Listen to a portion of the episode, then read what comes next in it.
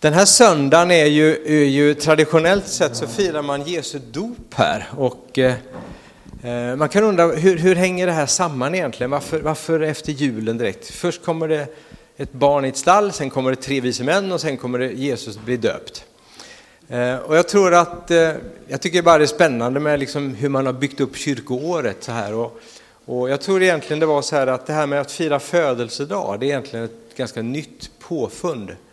För det man, julen handlade om, det var liksom det stora uppenbarelsen att Gud blev människa. Och dopet, det är när Jesus kommer ut i tjänst. Och de tre vise männen, det, man kallar ju den här trettonhelgen kallar man för epifanian, alltså uppenbarelsen. Den stora uppenbarelsen, hemligheten Gud har gett, att Gud blev människa. Och runt det så byggs hela julen upp på något sätt. Va? Eh, det vi firar här. Så att, eh, vi är mitt i en väldigt spännande tid. Så jag tänkte faktiskt börja om detta med, med dopet. Och jag tänkte så här, jag kallade det här lilla jag ska dela för Jesu dop, en början på någonting nytt. För vi vet ju hur det var, vi följer Jesu liv i Bibeln och vi ser att eh, eh, när han blir döpt så börjar hans tjänst. Det händer någonting där. Eh, han, han eh, lever sitt liv och, och, och så här, men, men vid dopet så startar någonting nytt över hans liv. Eh, där han börjar tjäna Gud på ett speciellt sätt. Och vi har väl alla haft våran början kanske, du och jag som finns här, vi har vårat dop där bakåt i tiden någonstans. Men eh, vi kan alltid gå in på nytt i en ny tid, eller hur? Visst är det lite gott det här när det är ett nytt år och saker kan starta lite nytt och fräscht. Eh, vi kan uppskatta det, även om det är samma gamla saker.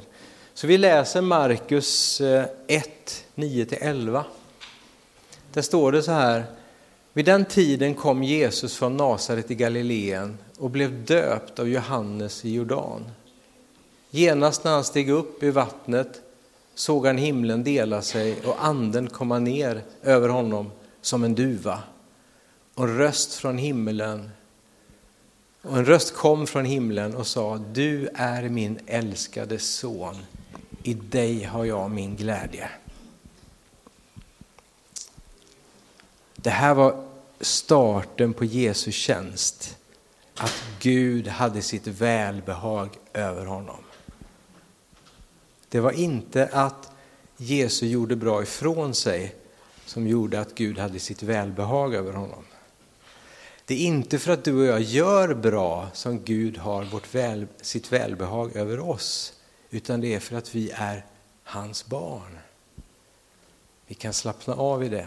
Vi är hans barn.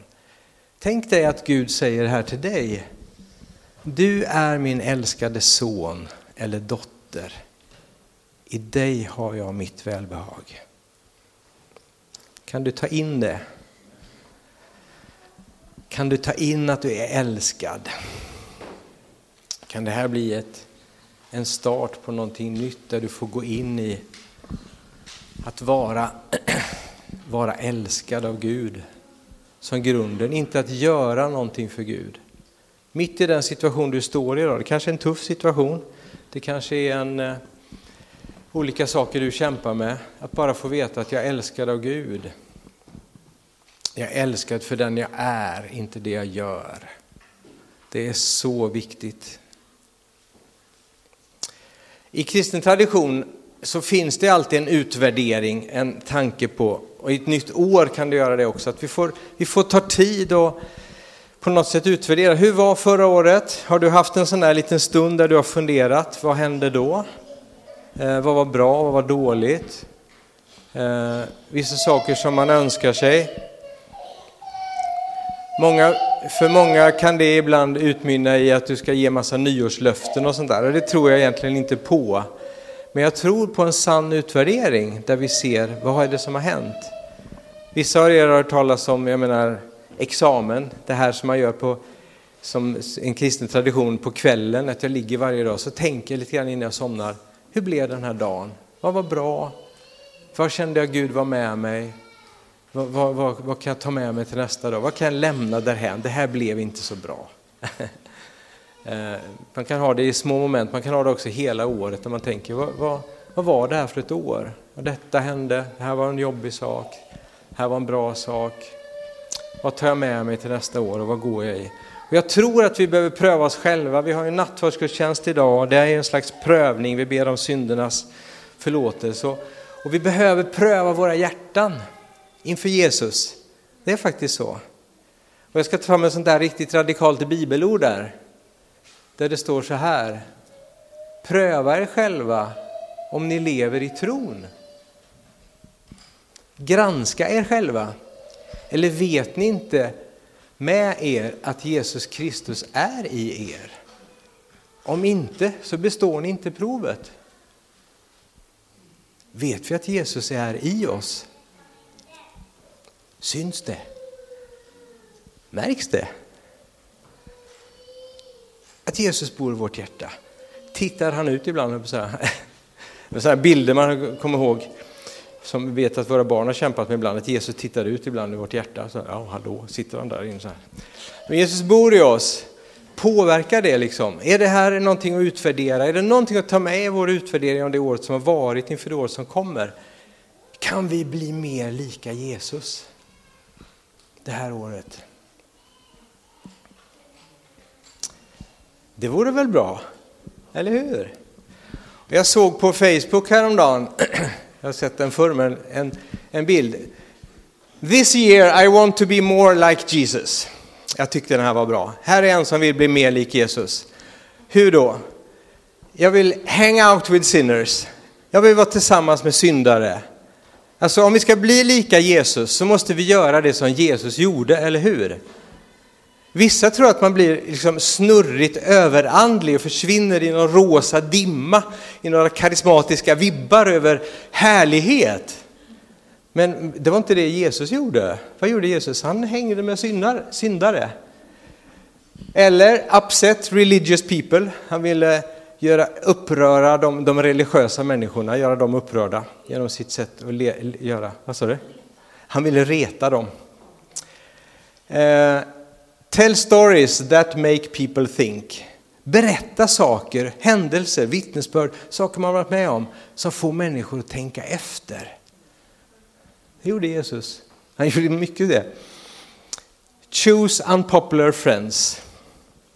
Välja de opopulära som min vän. Be kind, loving and merciful. Att vara vänlig, älskande och nådefull, eller vad säger jag, nåd? Lite barmhärtig. Ja. Och ibland sova lite på en båt. Mitt när oron i världen är som störst så får vi sova i trygghet med Jesus. För Jesus såg där mitt i stormen, trygg att hans far inte hade släppt kontrollen. Utan mitt i det tuffa så kunde han ändå slappna av. Tänk att vi får lov att göra det. Så vill du bli mer som Jesus? Ja, vad bra. Vissa kan känna så här, nej men jag vill inte vara med syndare. Eller jag vill inte liksom, reta upp någon. Och Vi kan tänka mycket om de här olika sakerna. Men eh, jag tycker den är så fräsch. Den här, eh, den här bilden. Och jag, jag har själv haft mycket tid, det sista har jag eh, hur ska man säga? Jag kanske, om jag får vara personlig, så har jag, så har jag en, under en tid också kämpat med, vad ska man säga, det religiösa etablissemanget. Eller hur? Har du känt det? man kan känna så här, det finns, en, det finns en, en förväntan ibland att man ska vara på ett visst sätt för att det ska duga. Särskilt om man är liksom ledare eller sådär i, i, i ett kristet sammanhang. Men det kanske finns som att Jesus har lagt en längtan på mitt hjärta att göra andra saker. Hmm. Vad gör man då när det börjar bli sådana här saker i sitt liv? Ja, man, man, man söker Gud. Man låter Gud få visa och utvärdera. Man kanske får ta ett steg tillbaka i vissa områden. Och så får man försöka hitta vanor, skaffa sig vanor som, som på något sätt gör mig mera Jesuslika, som för mig närmare Gud. Eh, några sådana där saker som, som jag har försökt att göra. eh, det ena är att eh, jag försökte att se till att, att eh, göra någonting för någon människa som jag inte riktigt, så att säga, hjälpa någon eller välsigna någon, uttrycka någonting. Jag såg i morse, jag sa till, till Elisabeth, vi körde förbi, ni vet, det här har ni hört för vår återvinningsstation där, där jobbar Jamal. Han är från Syrien. Eh, och sa, nu går Jamal till jobbet, så jag, för han klev precis av bussen och så går han till återvinningsstationen. Och så, har ni hört det här? Jag berättat det? Eller? Nej.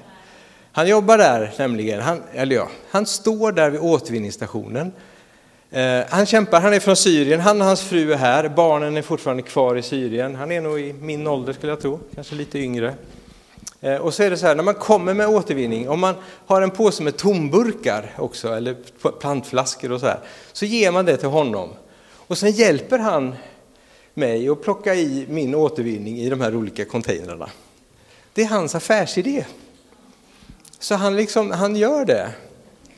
Och då tycker jag det är roligt att stå och prata en liten stund med Jamal. Och ibland så kommer jag utan tomburkar och då ger jag honom en 20 eller 50-lapp någonting för att han hjälper mig att plocka i återvinningen. Det går jättefort. Åk till Härstas återvinning om du ont om tid någon dag. Som är det tomburkarna där. Men just det här att hitta någon, så han har varit en sån där som jag på något sätt känt att ja, men det här är någon som jag verkligen inte har någon relation med, men en människa som, som finns där som jag på något sätt kan uttrycka någon typ av välsignelse inför och välsigna honom i den situation han står. Så jag brukar känna det gott att stå där och prata med honom lite grann, när man ser lite hur vissa andra kommer och nästan fräser i sin attityd mot honom. För man gillar inte någon som ser ut som en tiggare som kommer från ett annat land som finns här i vår välordnade stadsdel Herrestad, Kissleberg. Det är liksom sådär va. Och då tycker jag det är jätteskönt att stå där och prata och fråga hur är det med hans, hans fru, hur är det med barnen och vi, han har ju dålig svenska men vi, vi försöker prata en stund i alla fall.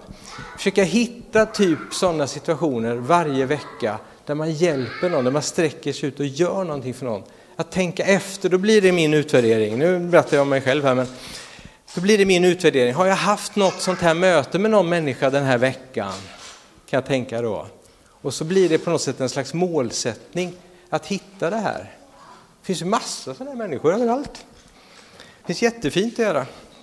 En målsättning som vi har haft tillsammans, jag och Elisabeth, det är att se till att bjuda någon på mat som, vi inte, jag menar, som inte, inte tror eller inte har delat tron med oss.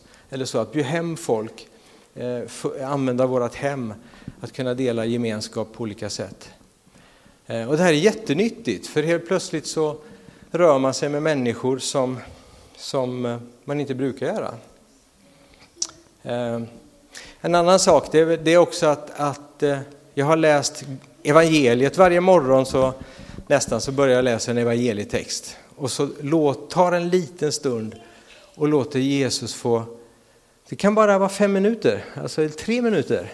På något sätt jag läser texten och så bara, vad vill Jesus visa från hans liv? Och det är så spännande att läsa om Jesus. Han var ju så annorlunda. Frågan om man skulle passat in i vår församling alla gånger, eller i vissa församlingar alla gånger. Eller hur? Och försöka få det att tala till mig, att lyssna på vad vill Gud med mitt liv idag? Vad vill Gud göra? Vad vill Gud göra med mig? Där finns saker att lära, lära sig. Sen så vill jag också på något sätt kunna uttrycka evangeliet för människor. Eh, och så här. Och det, det, det, det, är jättesvårt tycker jag ibland att, att, att komma till kärnan. Men man börjar någonstans att rota. Och så känner man så här, när man väl har skaffat nya människor som man har relation till, eh, så måste man tänka så här, det tar väldigt lång tid att komma till att dela evangeliet. Och inte stressa i det. Utan låt det ta tid med att låna ut borrmaskinen eller, eller göra saker, eller käka tillsammans, eller åka och titta på den vackra västkusten, eller hitta på saker. Alltså det tar tid att relatera, men, eh, men vi växer i det här. Det här är lite grann ett sätt som jag har känt att jag har velat gå för att eh, bli mer lik Jesus, för att komma närmare Jesus. Nu ska jag snart knyta ihop det här. Vi har ett bibelord till tror jag. Ett annat bibelord som finns den här söndagen som jag tycker också vi får ta, plocka med det här, det är från Apostlagärningarna 8. Där det står, när apostlarna i Jerusalem fick höra att Samarien hade tagit emot Guds ord, så sände de dit Petrus och Johannes. Dessa kom ner och bad för dem att de skulle få den helige ande, eftersom anden ännu inte hade fallit över någon av dem. De var bara döpta i Herren Jesu namn. Apostlarna lade då händerna på dem och de tog emot den helige ande. De hade börjat tro på Jesus men de har inte tagit emot den helige ande. Eh, de har inte tagit emot liksom motorn där inne på något sätt. Och ibland är vi som troende, vi är sådana här att vi, vi måste gå och fylla på. Eller hur? Först måste vi fylla på och så måste vi förbereda oss. Och så måste vi fylla, fylla på och så måste vi förbereda oss. Och sen, nästa år, ska jag göra. Men tänk för det är så att Jesus redan nu bor i dig. Tänk för att det är redan nu som det händer. Det kanske är redan när du går ut här som du möter någon som det händer. Att Gud räknar med dig, att du redan är förberedd att stå där och säga hej. är du med? Eller så går du förbi någon och tänker så här, nästa år ska jag prata med den här människan. Nej, redan nu. Det kanske är så att den helige ande redan finns där i oss. Och så sista bilden. Det här, nu tänker alla på elpriser. Har ni känt vilken förändring det är i år? Liksom så här? När det blåser och när det regnar, då är alla jätteglada och avslappnade. Så var det inte förr. Alla har ändrat sina vanor. För då är elpriset billigt. Alltså hur många svenskar har inte radikalt förändrat alla sina vanor hemma i sitt hus? Jag sitter och ser, vi har en granne som bor lite nedanför oss här. De har alltid haft, liksom, man kommer upp på morgonen, det blir ofta att man tittar ner, det är alltid tänt där. Men jag ser nu då, jag såg det i morse för satt jag precis utanför där så här. De går in i köket så tänder de ljuset, så när de går ut ur köket så släcker de ljuset. Nu är så här, alla svenskar har förändrat sina vanor för att det finns ett incitament till det här elpriset är dyrt. Jättemotivationsfaktor. Hmm. och hur är det med dig och mig att ändra våra vanor så vi blir mer Jesuslika? Liksom, vad är det som behöver bli billigt för att vi ska liksom gå den vägen? Lite mer. Dave Richards brukar prata om om vi är vinddrivna eller ej. Alltså om den helige ande som driver oss. Och det finns någonting att leva i den helige ande, andeuppfyllelsen, att anden bor i mig och anden driver mig, anden leder mig, anden för mig. Vi kan ändra våra vanor. Jag tror du har ändrat dina vanor hemma i ditt hus på grund av att elpriset har gått upp.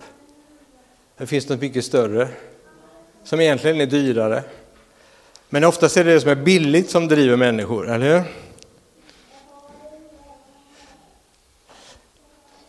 Tack Jesus för att du bor i oss. Tack för att vi kan ta emot dig, att vi har tagit emot dig. Tack för din helige Ande. Herre, vi ber att det här ska få bli ett år där vi får bli mer lika dig, Herre, där du formar oss, inte för att passa i kyrkan, utan formar oss för att passa ditt uppdrag i den här världen, Herre. Tackar dig för det, Herre. Vi ber för det som känns obekvämt i det, att du ska hjälpa oss med det, Herre, att, att förstå, att gå den vägen, att vara modiga i våra liv. Tackar dig för det, Herre. Vi tackar dig Jesus för din kärlek till oss, Herre, att du älskar oss, Herre. Att vi får finnas i den kärleken. I Jesu namn. Amen.